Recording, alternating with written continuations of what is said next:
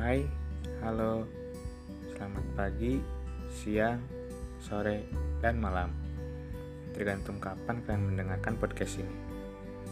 Selamat datang di ruang bersuara Sub Podcast. Perkenalkan, nama gue Rizik. Gue harap ruang bersuara Sub Podcast ini bisa nemenin hari kalian. Mungkin, hehe, yang mungkin sedang di perjalanan menuju tempat kerja, sekolah, kampus, atau bahkan mungkin yang masih di atas kasur dan mager mandi malah tidur lagi. Di sini, semoga bisa melepas insecurity, anxiety, overthinking, apa pun itu. Mari bersua untuk bersuara tentang rasa, karena di sini kalian semua punya tempat untuk berpendapat.